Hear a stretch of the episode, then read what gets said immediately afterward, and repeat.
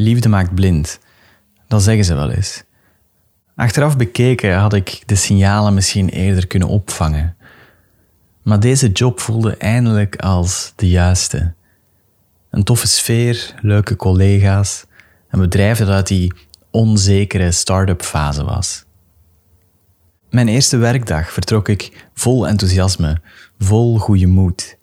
En misschien koos ik er onbewust voor om blind te zijn voor de minder mooie dingen. Ik wilde echt dat deze job zou werken. En begrijp me niet verkeerd, voor een periode was het ook echt goed. Uitdagende projecten, een heel fijn team. Ik zag potentieel voor mezelf om te groeien. En mijn twee bazen, naast Bram was er ook Peter, waren niet van die manager-types. Ze zaten gewoon bij ons aan de lange bureaus, we aten samen. Ze waren leiders die naast hun team stonden en niet erboven. En de eerste weken, of zelfs maanden, waren echt dag en nacht verschil tegenover mijn twee vorige jobs. Ik wist dat ik hier goed zat. Dit is de job.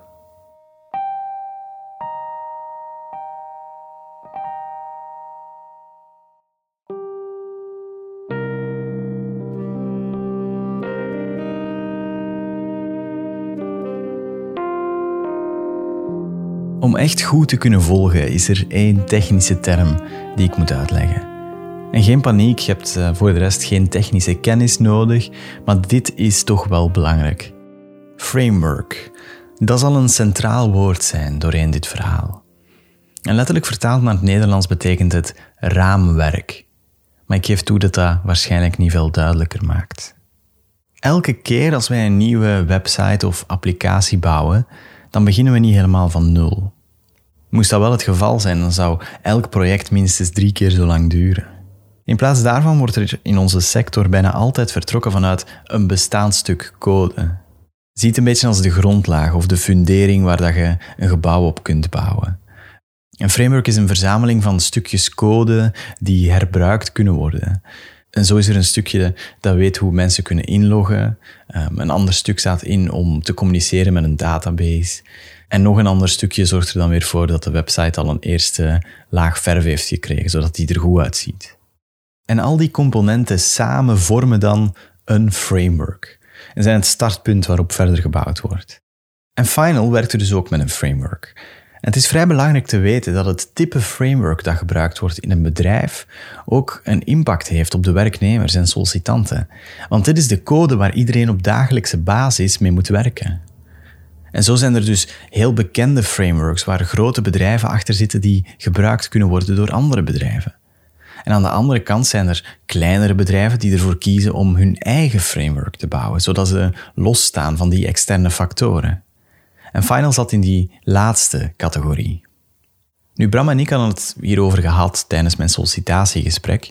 En ik vond het toen best een goed idee, omdat je dan als bedrijf zelf de volledige controle hebt over de groei en vorm van zo'n framework.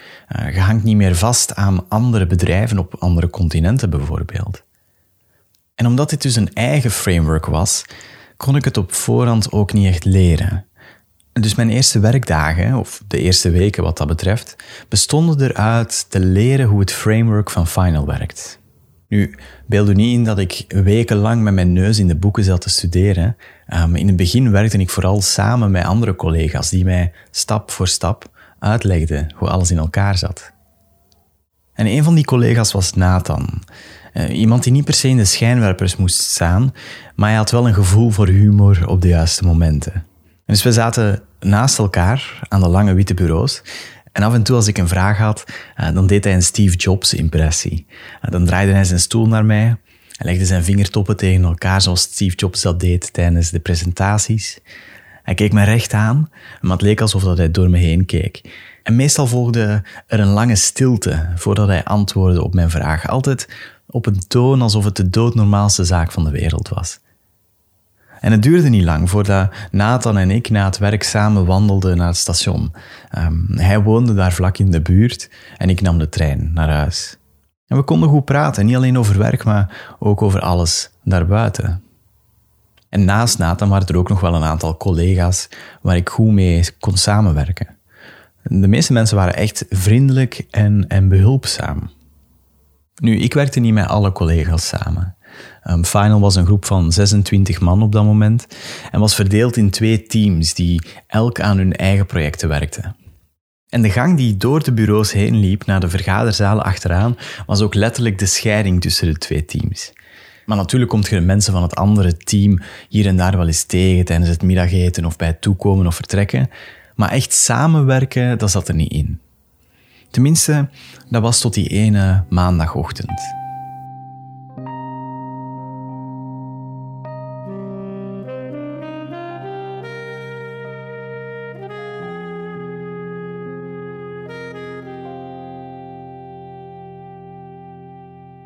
Normaal gezien kom ik toe op kantoor rond 8 uur. Maar die ochtend had mijn trein wat vertraging en was ik er pas tegen 9. En toen ik toekwam, merkte ik meteen dat de bureaus aan beide kanten toch wel veel leger waren dan normaal rond dit uur. Van het andere team was er wel de projectmanager, Stijn. En de projectmanager dat is de persoon die het contact houdt met de klanten en de planning van de projecten in goede banen leidt. Onze projectmanager trouwens was uh, Veerle, een pittige dame, maar ook heel empathisch en begaan met het welzijn van ons team. En dat Veerle er nog niet was, uh, dat was normaal. Die komt doorgaans pas tegen half tien. Dus ik liep toch meteen even naar Stijn en vroeg waar iedereen was. Uh, letterlijk alle bureaus waren leeg, behalve die van hem. Stijn kon uit mijn blik waarschijnlijk al wel afleiden wat ik ging vragen, want hij wees naar de vergaderzaal achteraan en zei: Ze zitten daar. Ik besloot eerst om nog snel een koffie te nemen, uh, altijd trouwens vers gemalen op kantoor. En ik ben dus ook pas koffie beginnen drinken bij Final, want die koffie was echt supergoed. En met mijn koffie in de ene hand en laptop in de andere liep ik naar achter. Ik dacht dat er misschien een soort van meeting bezig was waar ik niks van wist. Maar ik zou het zo weten.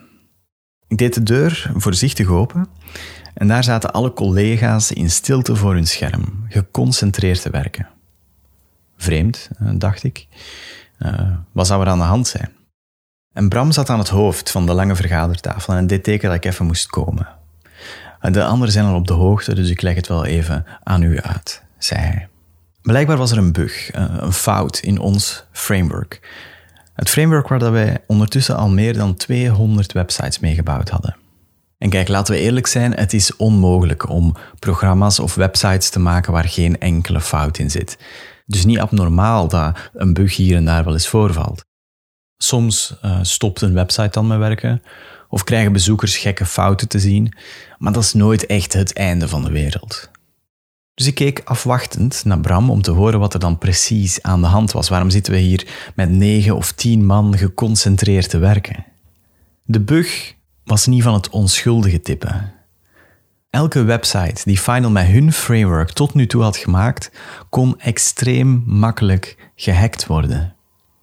Elke website had een soort van beheerscherm waar enkel de klant en wij in konden. En daar was dan alle informatie te zien over geregistreerde gebruikers, eh, persoonlijke inzendingen enzovoort. En normaal gezien had je daar dus een unieke gebruiker en wachtwoord voor nodig. En dan moest je surfen naar slash admin om in te loggen. En de bug op zich, een heel klein foutje, bestond eruit dat als mensen naar slash slash admin surften, dus met twee schuine streepjes, dat ze toegang kregen tot alle beheerschermen zonder een wachtwoord.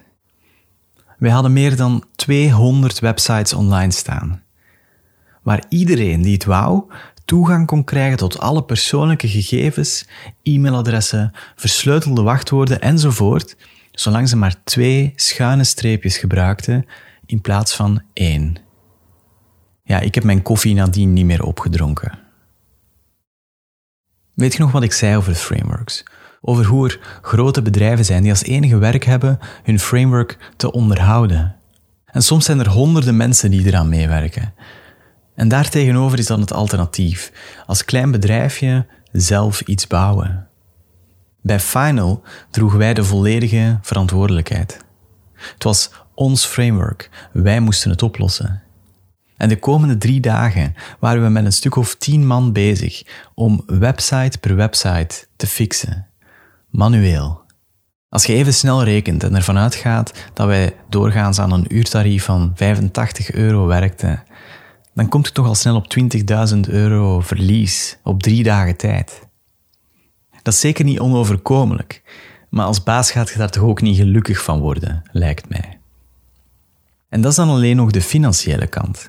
Want wat doet je met de 200 websites waar mogelijk in ingebroken is geweest? Wel, de bug was ontdekt door een van onze collega's, dus eigenlijk weten we niet of het ook bekend was bij inbrekers, bij hackers. En de kans is klein dat iemand van buitenaf die hierover weet, het ook aan de grote klok gaat hangen als hij er zelf profijt mee wil halen. Het lijkt misschien onschuldig, hè?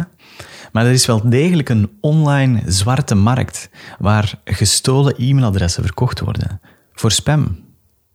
En sommige versleutelde wachtwoorden kunnen toch nog gekraakt worden. En wat als mensen hun wachtwoord herbruiken op verschillende websites?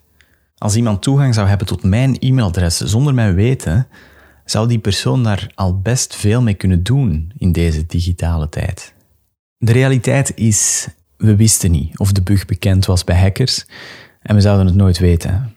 En meer dan de gaten dichten en hopen op het beste konden we niet doen. Maar de schone schijn van Final begon langzaam af te nemen. En natuurlijk was er niemand die dit met opzet had gedaan of foute bedoelingen had. Het was gewoon een menselijke fout. Weliswaar met grote gevolgen, maar nu moesten we gewoon vooruit. En diezelfde maandagavond wandelde ik weer met Nathan naar het station. En we bespraken de voorbije dag. Hij en ik stelden ons toch vragen of we niet beter naar andere frameworks zouden gaan kijken.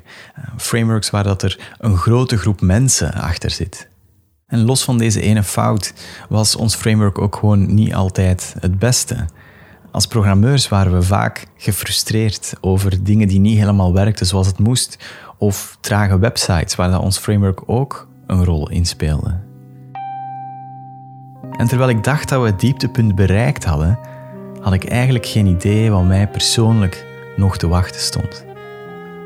Dat is de volgende keer in The Job.